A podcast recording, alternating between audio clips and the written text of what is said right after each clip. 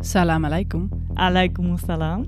Wij zijn Dieke en Dorothee. En dit is aflevering 4 van Grensoverschrijdend, de podcast. Een podcast van perspectief over asiel en migratie. Vandaag gaan we in gesprek met Sandra, een Assenaar die zich in het dagelijks leven bezighoudt met subsidies en duurzaamheid van boerenbedrijven. Maar belangrijker nog, VVD-raadslid is in Assen. We vertellen kort over de spreidingswet en wat perspectief hier concreet aan wil doen. Sandra van de VVD vindt wellicht dat we hier een grens zijn overgegaan. En we komen erachter dat VVD'ers ook gewoon een hart hebben. Veel luisterplezier.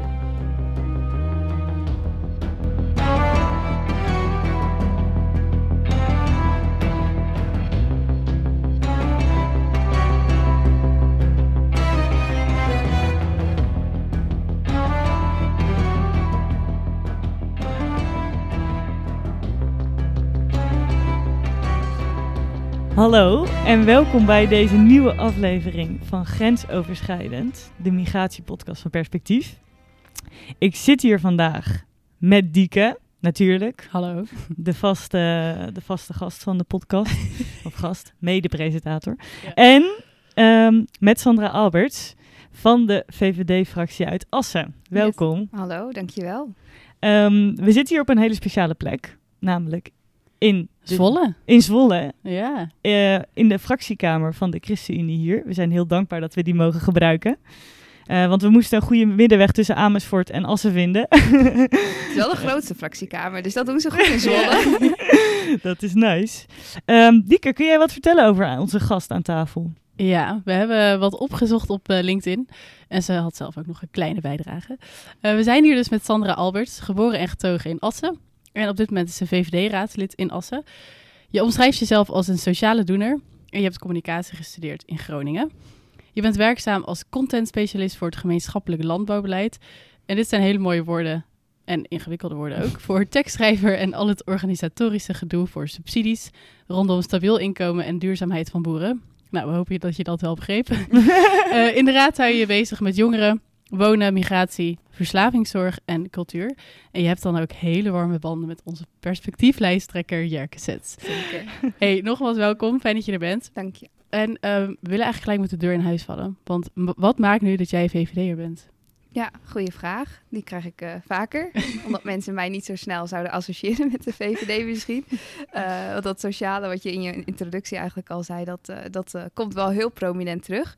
Ik ben ooit lid geworden van de VVD vanwege de, ja, de vijf kernwaarden die de VVD eigenlijk hanteert. Ik heb ze even opgeschreven, want anders dan, eh, ben ik bang dat ik er misschien eentje vergeet. En dat zijn vrijheid, verantwoordelijkheid, verdraagzaamheid, sociale rechtvaardigheid en gelijkwaardigheid. Waarbij die laatste, die gelijkwaardigheid, wel ja, mijn meest prominente kernwaarde eigenlijk is. Ik vind dat iedereen, elk mensenleven gelijkwaardig is aan elkaar. En dat het niet uitmaakt waar je wieg staat. Eh, iedereen moet dezelfde kansen krijgen. Dus daarom ben ik ooit lid geworden van de, van de VVD. Tof. En eh, raadslid, want lid zijn en eh, raadslid, dat is, dat Is is, wel- iets anders. ja, is een lange weg te gaan. Eh, ja, wat, wat drijft je daarin om raadslid te zijn? Ik ehm, had eigenlijk nooit echt de ambitie om politiek actief te worden. Ik vond het ook wel een beetje spannend. Ik dacht, nou, laat een ander dat maar doen. Ik voelde me wat comfortabeler op de, op de achtergrond. Eh, maar ja, als je een mening hebt en je wil verandering, dan is het soms ook goed om dat, eh, om dat zelf te doen. Dus ik eh, heb onze voorzitter destijds een berichtje gestuurd van... goh, ik wil eens meekijken met de fractie, kijken of dat wat is. Nou, dat ging allemaal hartstikke goed. Toen was het tijd om de lijst te gaan samenstellen. En toen zei ik, nou, zet me maar een beetje op een, op een lage plek... want ik hoef nog niet zo nodig, zo hoog. Ehm, toen kwam ik op plek 5, maar wel als hoogst geplaatste vrouw. En toen heb ik uiteindelijk eh 526 voorkeurstemmen gekregen. Wow. En eh, toen zat ik opeens in de raad. Dus dat was, eh, ja, dat was ook wel even Leuk. schrikken, omdat dat niet echt in mijn hoofd een plan was. Maar ik moet zeggen dat het tot nu toe heel erg, eh, heel erg leuk is en heel erg goed gaat. Ja. En je vertelde net al iets over dat jouw achtergrond of je familieachtergrond wel iets anders is. Kun je daar nog iets over delen? Ja, mijn familie die stemde eigenlijk altijd PvdA. Ehm, terwijl, ja, mijn vader heeft zelf wel een bedrijf ook gehad en mijn oom ook. Dus dat ondernemende, dat zat er wel heel erg in. Eh, maar ook wel een beetje het, het arbeiders, het ja, harde werken.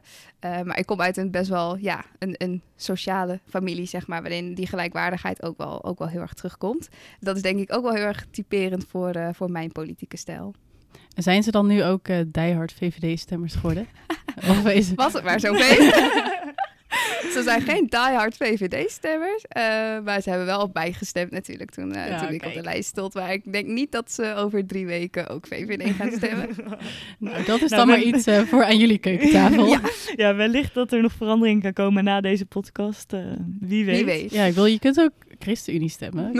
Mochten je ouders Wat grappig luisteren. Is, mijn zusje die vult nu verschillende stemwijzers in. En die komt dus constant op de ChristenUnie. En dan appt ze mij, wat doe ik verkeerd? Dat is juist heel goed. dus ik zei, ja, misschien goed. moet je het toch een keer gaan overwegen. Want eh, het is nu inmiddels geen, eh, geen eh, toevalligheid meer. Maar echt een patroon aan het worden. Ja, kijk, misschien dat zij eh, Ja? na het luisteren van deze podcast nog naar de ChristenUnie gaat. Ik hoop het welkom als je Ja. luistert. Zusje, zusje. Nice. Ja, echt heel leuk om te horen.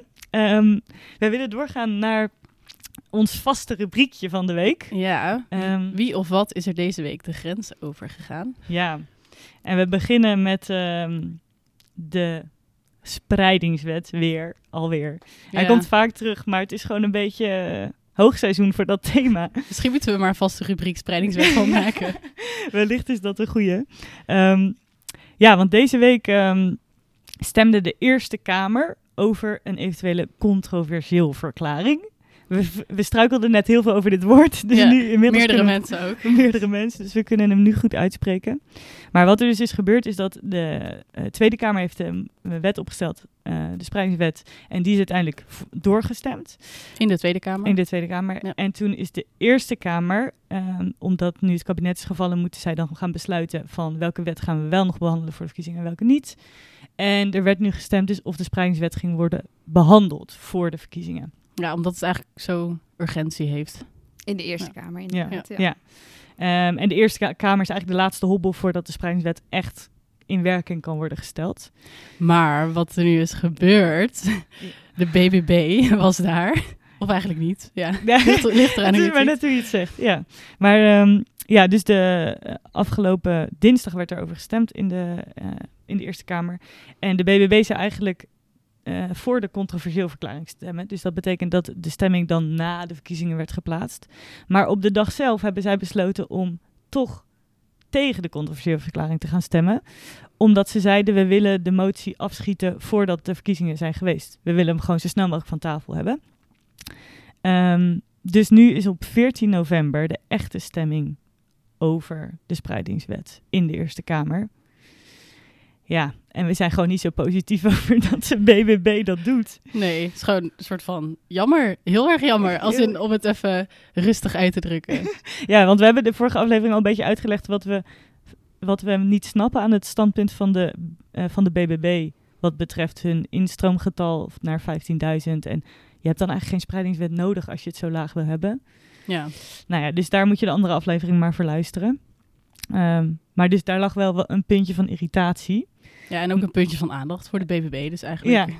Maar wij hebben wel iets gedaan bij perspectief om dit punt iets meer op de agenda te Ik wou krijgen. net zeggen, eigenlijk zijn jullie een beetje de grens overgegaan. want er ligt hier voor mij iets heel iets herkenbaars.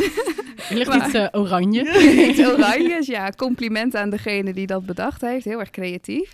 Dat het eh, roept bij mij wat herkenbaarheid op. Maar eh, Ja, een dat, ho- dat oproep. hoopten we al. Maar kun je even vertellen wat er voor je ligt? Er ligt voor mij een motie met als titel Grip op asiel. Ehm, En mocht je En- denken, ik wil die even zien, dan kun je gewoon onze Instagram-pagina van Perspectief. Daar staat hij op. ik opende vanochtend mijn telefoon en ik keek even op Twitter. En toen zag ik hem overal voorbij komen. het achtervolgt mij. Nu ligt hij ook nog voor me. ja. Uh, maar volgens mij, ja, jullie roepen op om voor elke 350 inwoners van een gemeente één asielzoeker op te vangen. En eh, daarmee eigenlijk een beetje de spreidingswet alvast eh, ja, zorgen dat die alvast een beetje wordt ingevoerd misschien. ja.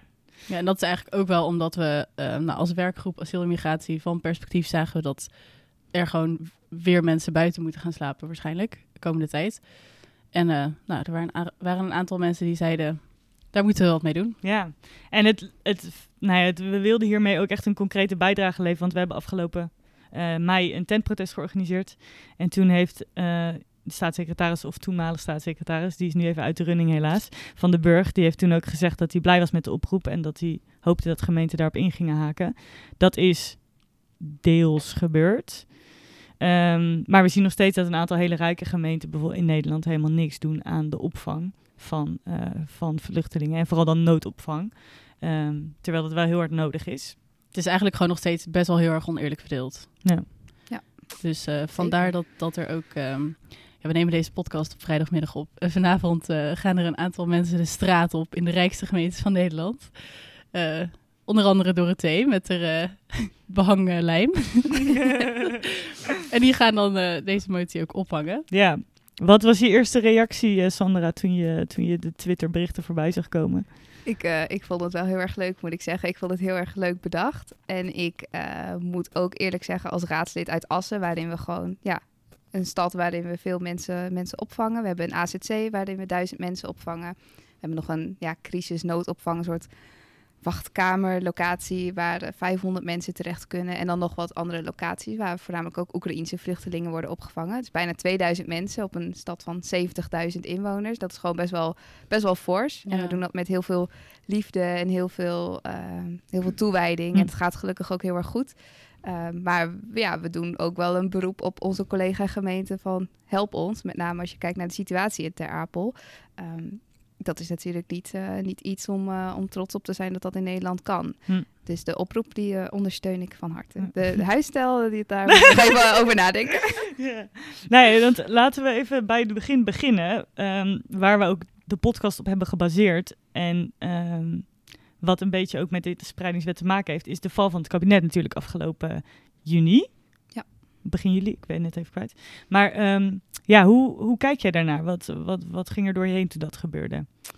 Ik vond het eigenlijk heel erg verdrietig. Ik hoorde in mijn omgeving, zowel vanuit de VVD, maar ook eh, vanuit de ChristenUnie, eh, mensen die heel erg blij waren en heel erg opgelucht en trots dat hun partij zich aan hun, hun, hun principes eh, heeft gehouden. En het eerste wat ik dacht was, ja, maar nu duurt het nog langer voordat we een oplossing hebben. En eh, deze zomer is er gewoon weer een kans dat er mensen buiten moeten slapen. En nou, we zijn nu in november. Eh, ik volg de berichten vanuit Ter Apel elke dag met, maar, nou, met hartkloppingen. Gaat het vanavond goed? Nou, ja, gaat het goed? Eigenlijk niet. Want mensen moeten gewoon in de wachtkamer slapen op stoelen. En dat is natuurlijk slecht. Ehm, dus ik vond het heel erg jammer dat het kabinet was gevallen. Omdat ik dacht, ja, daarmee zijn onze problemen niet, niet opgelost. Hoewel ik wel ja, het vermoeden had dat dit kabinet het misschien niet heel lang ging volhouden. Ja, vond ik het toch heel erg, heel erg verdrietig. Ja, ja, want vanuit jouw ervaring dus uit Assen zou jij zeggen, die spreidingswet, dat is eigenlijk wel heel belangrijk. Ik denk dat niemand eigenlijk een spreidingswet zou willen. Eh, in de ideale wereld vangen gemeenten namelijk gewoon, hè, staan ze naast elkaar en werken ze samen om mensen op te vangen. En zou het helemaal geen discussie moeten zijn wie hoeveel mensen op zou vangen. Maar we leven helaas niet in een ideale wereld. Dus is het heel erg jammer dat een spreidingswet nodig is. Maar vanuit Assen, maar ook überhaupt vanuit het noorden, waarin gewoon ook andere gemeentes heel veel mensen opvangen. eh, ja, ben ik daar wel een voorstander van. Ja. Hoe, hoe erg het ook misschien tegen mijn liberale principes indruist van geen dwang en eh, neem je verantwoordelijkheid. Alleen de praktijk wijst gewoon anders uit. En dat gaat niet veranderen op, eh, op korte termijn. Hm. Ja, en Assen heeft dus een asielzoekcentrum van duizend mensen. Ja. Ehm, en ik hoorde je net al iets over zeggen, dat gaat, gaat eigenlijk best goed. Ehm, ja, wat zou je, of zou je daar iets over kunnen zeggen van om andere VVD-raadsleden in andere gemeenten aan te moedigen? Of, nou ja. Ja, het is eh, duizend mensen, dat is natuurlijk fors, dat zijn er veel. En over het algemeen gaat het goed. We hebben helaas ook wel af en toe een incident dat gelukkig op zichzelf staat. Uh, maar er zijn uh, ons college en onze burgemeester die overleggen uh, heel regelmatig met het COA om te zorgen dat dat, nou ja, dat, dat gewoon wel, uh, ja, dat dat gewoon goed blijft gaan. Uh, dus als andere gemeenten twijfelen of, of zorgen hebben of ja, kom gewoon een keertje kijken in Assen hoe we dat doen. We hebben een groot AZC en nog een, een crisisnoodopvang waar veel mensen in kunnen. Dus wees welkom, kom langs om te kijken hoe we dat organiseren. Dus eigenlijk aan alle VVD-raadsleden die luisteren. Kom ook, gewoon... ook niet VVD-raadsleden, okay. iedereen is welkom. ja. Kom gewoon een koffietje doen bij Ja. Sandra Ja. in het noorden. Ja, ja en, je, en, en hoe wordt er gereageerd dan op die incidenten? Want die zijn er dus wel sporadisch. Ja, we- het is ook goed om dat gewoon te belichten natuurlijk. Want het is ook niet het makkelijkste om zo'n groot AZC te hebben. Nee, klopt. Hoe Nee. gaat de raad daarmee om en hoe gaat eigenlijk de stad daarmee om? Nou, er zijn natuurlijk wel zorgen, ook bij de raad wel, maar ook bij, bij mensen die in Assen wonen. Uh, want ja, duizend mensen, dat zijn veel mensen. En, en daarbovenop dus nog alle mensen die in de crisisnoodopvang ook zitten.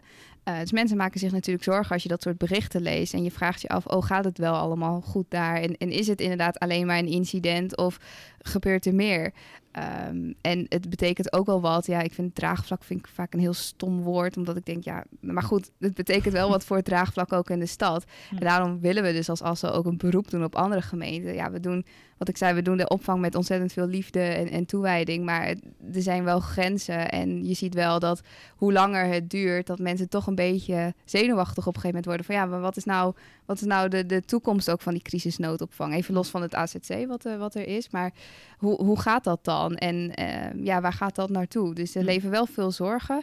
Uh, maar gelukkig informeert de burgemeester ons daar regelmatig over. En nou ja, wat ik zei, is er regelmatig overleg met het COA. En we hopen natuurlijk dat het, dat het goed blijft gaan. Ja, ja. Nou, en jullie zitten eigenlijk al ver boven die eis die wij soort van in de motie hebben gesteld. ik ben niet heel goed in hoofdrekenen, maar ik denk maar dat we het, het lijkt erop, ja, dus zeg maar die, die één, één asielzoeker per 350 inwoners, daar zitten jullie ver boven. En dat ja. is natuurlijk ook al, pleit het misschien juist wel voor de spreidingswet dat die ja. incidenten af en toe gebeuren, omdat gewoon, het is ook niet goed als er te veel mensen natuurlijk op een Klopt. bevolking. Maar in principe als we met allemaal met z'n allen dragen, dan lijkt dat me volgens mij helemaal niet aan de orde dat, ja... En ik denk dat er dan ook veel minder incidenten zijn. Maar ik weet niet, hoe, hoe kijk jij er naar, Sandra? Als stel, zeg maar, um, we dragen het met z'n allen in Nederland. Alle ja. gemeentes uh, zetten hun schouders eronder. Zou dat uh, invloed hebben op uh, incidenten die er gebeuren in AZC's? Ja, ik denk wel als je met name kijkt naar de aantallen. Want wat ik zei, duizend mensen, dat is gewoon best wel heel erg veel. En dit zijn ook mensen die verschrikkelijke dingen hebben meegemaakt. Die komen niet uh, vanuit de meest makkelijke situaties hierheen. Er zijn trauma's. De mensen hebben familieleden misschien verloren. Uh, zijn hun kinderen kwijt of andersom hun ouders kwijt. Dat is gewoon heftig als je in zo'n situatie zit en je wordt ergens opgevangen. Um, nou, nu, wat ik zei, in ons AZC gaat het redelijk goed, maar onze, onze noodopvang, dat is gewoon een hele grote loods waarin je elk geluid tien keer zo hard hoort. Dus dat is gewoon qua locatie ook echt echt niet geschikt om daar lang te zitten. Een soort van alsof je op kamp gaat, maar dan veel te lang. Ja, precies. En ook gewoon de onzekerheid waar je natuurlijk in zit. Want je hebt geen idee wanneer wordt mijn verzoek behandeld. Hoe lang blijf ik hier nog? Ga ik morgen weg? Uh, dus dat brengt natuurlijk allemaal zorgen met zich mee. En ik kan me heel erg goed voorstellen als je dat wat afbouwt en zorgt dat andere gemeenten ook hun, hun portie opvangen, zeg maar, hun, hun deel doen. Um, ja, dat je die spanning, wat het soms, soms voelt, hè, soms voelt het echt een beetje alsof het tot een kookpunt misschien kan komen, dat dat wel wat minder wordt en dat iedereen een beetje wat meer ademruimte voelt. Hm. Mm Ja, goeie.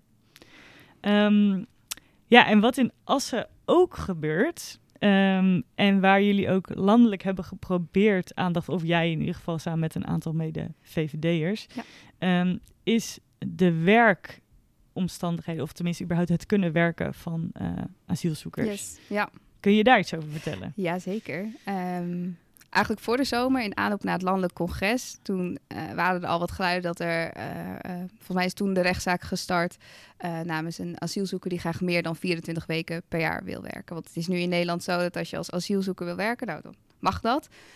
maar maximaal 24 weken per jaar. En de werkgever moet dan een ja, tewerkstellingsvergunning, volgens mij heet het, aanvragen via het UWV. En het werken loont ook niet echt, omdat nee, je... je moet een deel afdragen, ja. ook weer aan het, aan het COA inderdaad. Um, voor je, voor je eigen opvang. Mm. Um, maar vooral die, die 24 weken eis, het wordt door zowel ja, asielzoekers, maar ook door werkgevers best wel als een belemmering gezien. Want nou, je kan het jezelf ook wel voorstellen, als je maar een half jaar mag werken, dan weet je ook niet zo goed waar je aan toe bent. En andersom voor een werkgever denk je ook, ga ik dat investeren als ik maar een half jaar ja, van jou gebruik mag maken, zeg maar. Um, dus wij kwamen eigenlijk via Twitter. Iemand die tweette er iets over van een, een collega VVD, Steven, die zei van eigenlijk is dit belachelijk dat dit kan. Daar reageerde ik op van de, inderdaad. En toen was er iemand anders die zei, zullen we een motie indienen? Dus dat was eigenlijk via Twitter ontstond, uh, ontstond dat. En toen hebben we voor ons landelijk congres een, uh, een motie gemaakt om ja, eigenlijk een onderzoek te doen naar hoe kunnen we die 24 weken eis, uh, ja, kunnen we dat uitbreiden, zodat asielzoekers ja, sneller aan het werk, maar dus ook langer aan het werk kunnen. Um, de motie heeft het helaas daar niet gehaald. Uh, de landelijke fractie heeft hem, uh, heeft hem ook ontraden. En, um, dus hij heeft het daar niet gehaald. Met, het was iets van twee derde tegen? Ja, zoiets. Ik weet het exacte percentage even niet meer uit mijn hoofd, maar rond de 66, 68 procent denk Hm. ik dat het Hm. inderdaad eh, dat het tegen was. Dus het, op zich viel het me niet, eh, viel het me niet tegen hoor. Want, er is eh, hoop voor een volgend. eh, Zeker, ja. We komen gewoon een keertje terug. Eh, nee, liever natuurlijk niet. Liever hopen we gewoon dat het, eh, dat het al wordt afgeschaft. Ja. Ehm, Maar eh, ehm, even tussendoor van wat jij, jij wilde dit graag invoeren, maar een deel van de VVD is tegen. Wat is een beetje dat hoofdargument? Of wat, wat, ze, wat ze zou in het VVD zeggen waarom ze hier niet mee eens zijn? ja, wat, wat landelijke fractie ook zei, we zijn bang, bang dat ehm, mensen hier eh, rechten opbouwen. Wat, wat ze eigenlijk een soort van zekerheid gaat geven dat ze daadwerkelijk ook asiel kunnen gaan krijgen. Het gaat natuurlijk om de groep asielzoekers. Ja, dat zijn mensen waarvan we niet weten, mogen ze blijven of niet. Ze zijn in afwachting van, ja, van hun nog, status. ja, ze hebben nog geen status. Precies.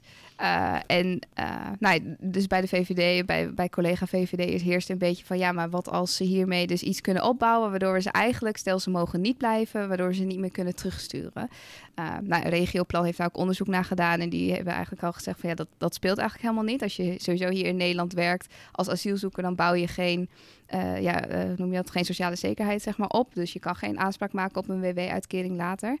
Eh, maar dat is wel, nou ja, waar, waar de VVD in ieder geval bang voor was. Dat het eigenlijk ervoor zorgt dat misschien mensen die dus hier niet mogen blijven, misschien toch zouden kunnen Hm. blijven. Ik, ik merk dat ik dat wel een beetje tegenstrijdig vind, soort van. Want de VVD is altijd knijten voor hard werken moet lonen. Tenminste, Ja, ja, dat, ja. dat is wat ik, wat ik weet in ieder geval. Ehm, en dan asielzoekers niet, zeg maar. Ik zou zeggen, ja, juist ga keihard aan de bak als je hier dan bent. Helemaal eens. Dat was ook onze motivatie om, de, om de motie in te dienen. Er zitten mensen in, in AZC's op dit moment. We vangen mensen op die heel graag aan de slag willen. Die de hele dag ja, denken van oké, wat, wat kan ik doen? Kan ik iets doen? Eh, op verschillende locaties doen ze bijvoorbeeld al vrijwilligerswerk misschien. Eh, maar die heel graag aan het werk willen. En tegelijkertijd daartegenover staat een groep werkgevers die te maken heeft met een personeelstekort. Nu is dat echt niet één op één opgelost door asielzoekers eerder aan het werk te helpen. Ehm, maar het kan elkaar wel, het is wel een win-win situatie. Dus juist vanuit die gedachte, hè, werken inderdaad, eh, eh, hard werken, daar heeft de VVD het vaak over. eh, moet het volgens mij juist een hele mooie kans zijn, ook voor asielzoekers, om, eh, om op die manier ja, wat meer zingeving in hun, eh, in hun leven te krijgen, om aan het werk te gaan. En waarbij werkgevers ook geholpen zijn. Hm. En ik hoorde net ook van je, in Assen zijn jullie er wel mee aan de slag gegaan. Ja. En hoe gaat dat? Ja, ik was na, de, na het landelijk congres eh, een beetje, nou niet teleurgesteld, maar ik vond het toch wel jammer dat de motie het niet had gehaald. En toen dacht ik, ja, ik zit natuurlijk gewoon in de gemeenteraad in Assen, waar ik ook, ook iets kan doen voor deze groep mensen. Eh, dus we hebben samen met eh, de ChristenUnie en de PvdA en D66 een motie daar opgesteld.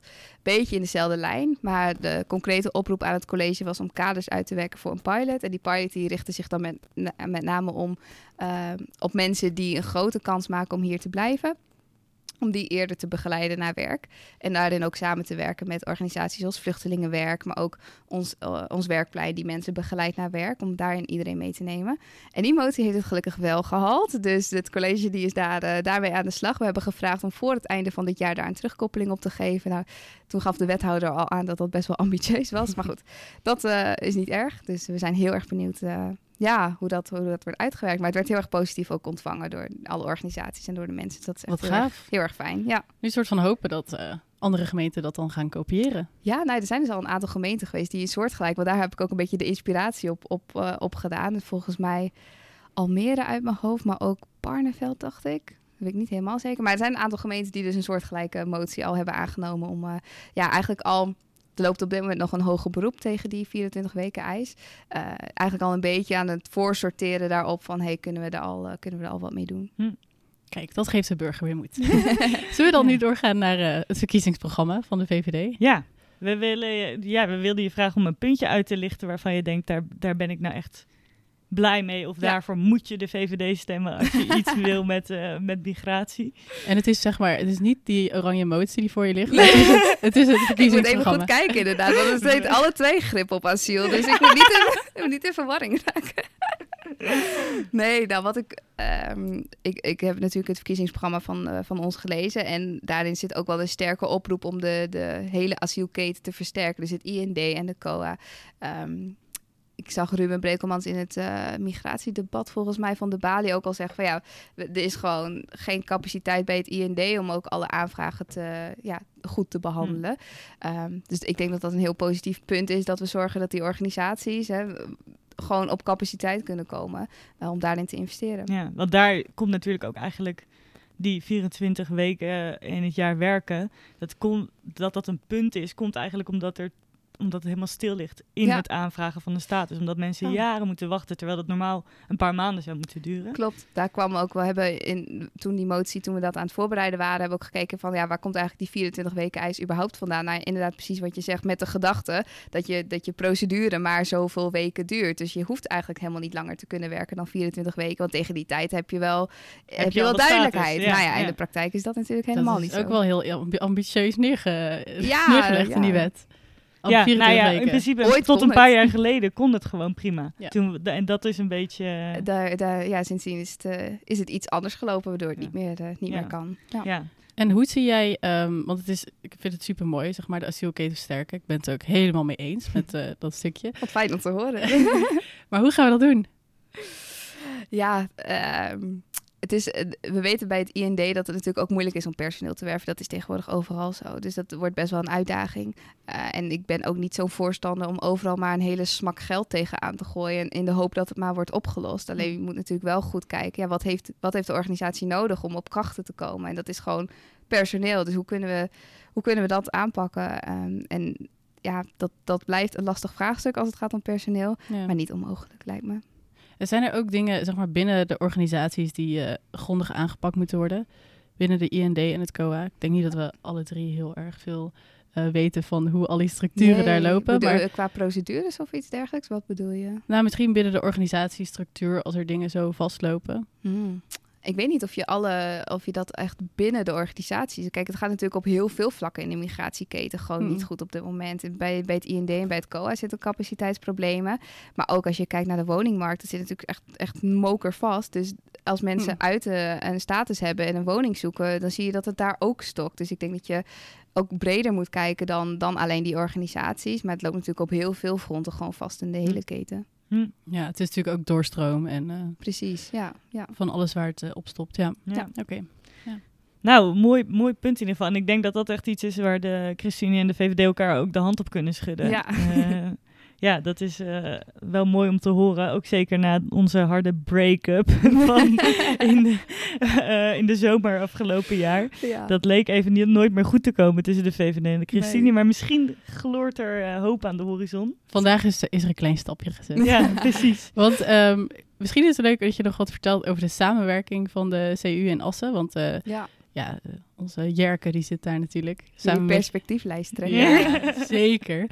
En daar had je hele warme banden mee. uh, ja, kun je wat meer vertellen over die samenwerking tussen de CU en de VVD? Want wij werden daar toch best wel een beetje blij van. Ja, nou ja, ik ook hoor. Uh, we zitten samen in de coalitie in Assen, samen met nog wat andere partijen. Maar zeker als het gaat over migratie, werken Jerke en ik best wel vaak samen.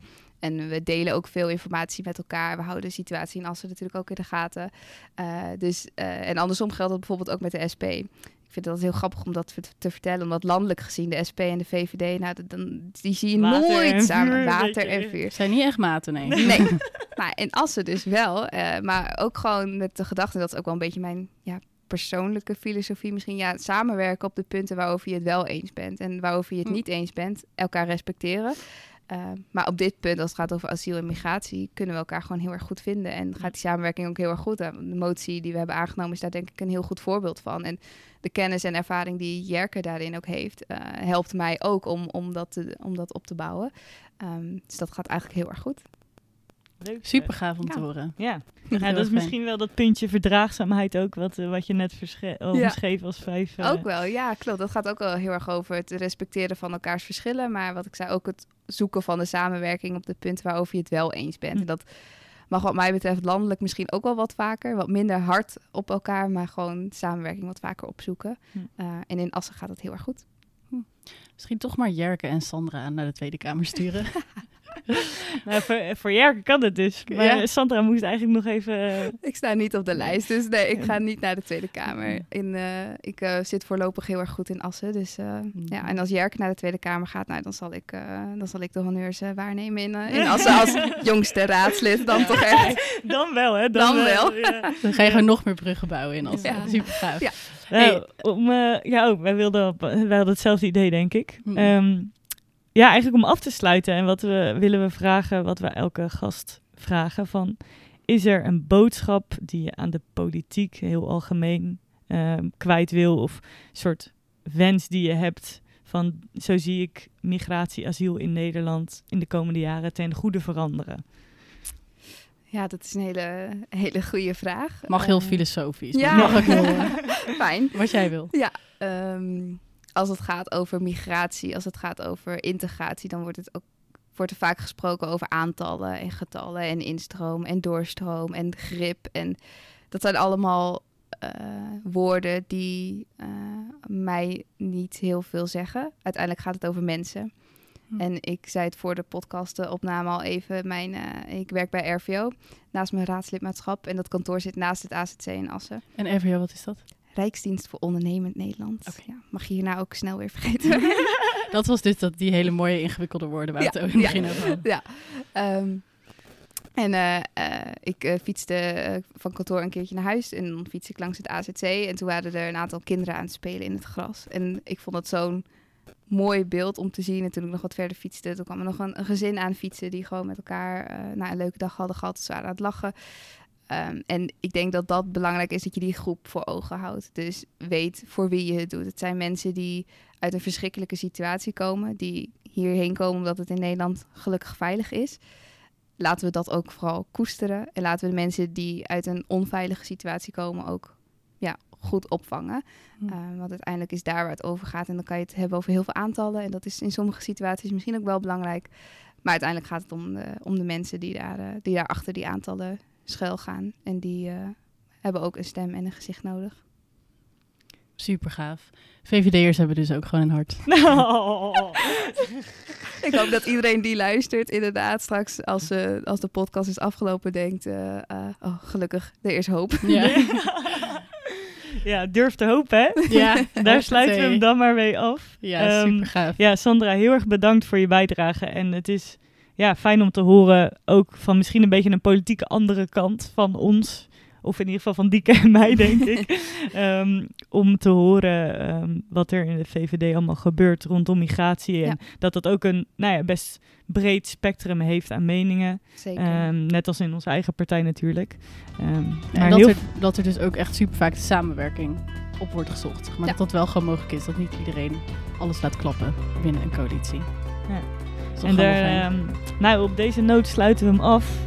Ehm, ja, we hopen dat jullie het leuk vonden. Geef vooral aan eh, als je nog opmerkingen hebt of vragen of ehm, nog andere tips om podcasts over te maken natuurlijk.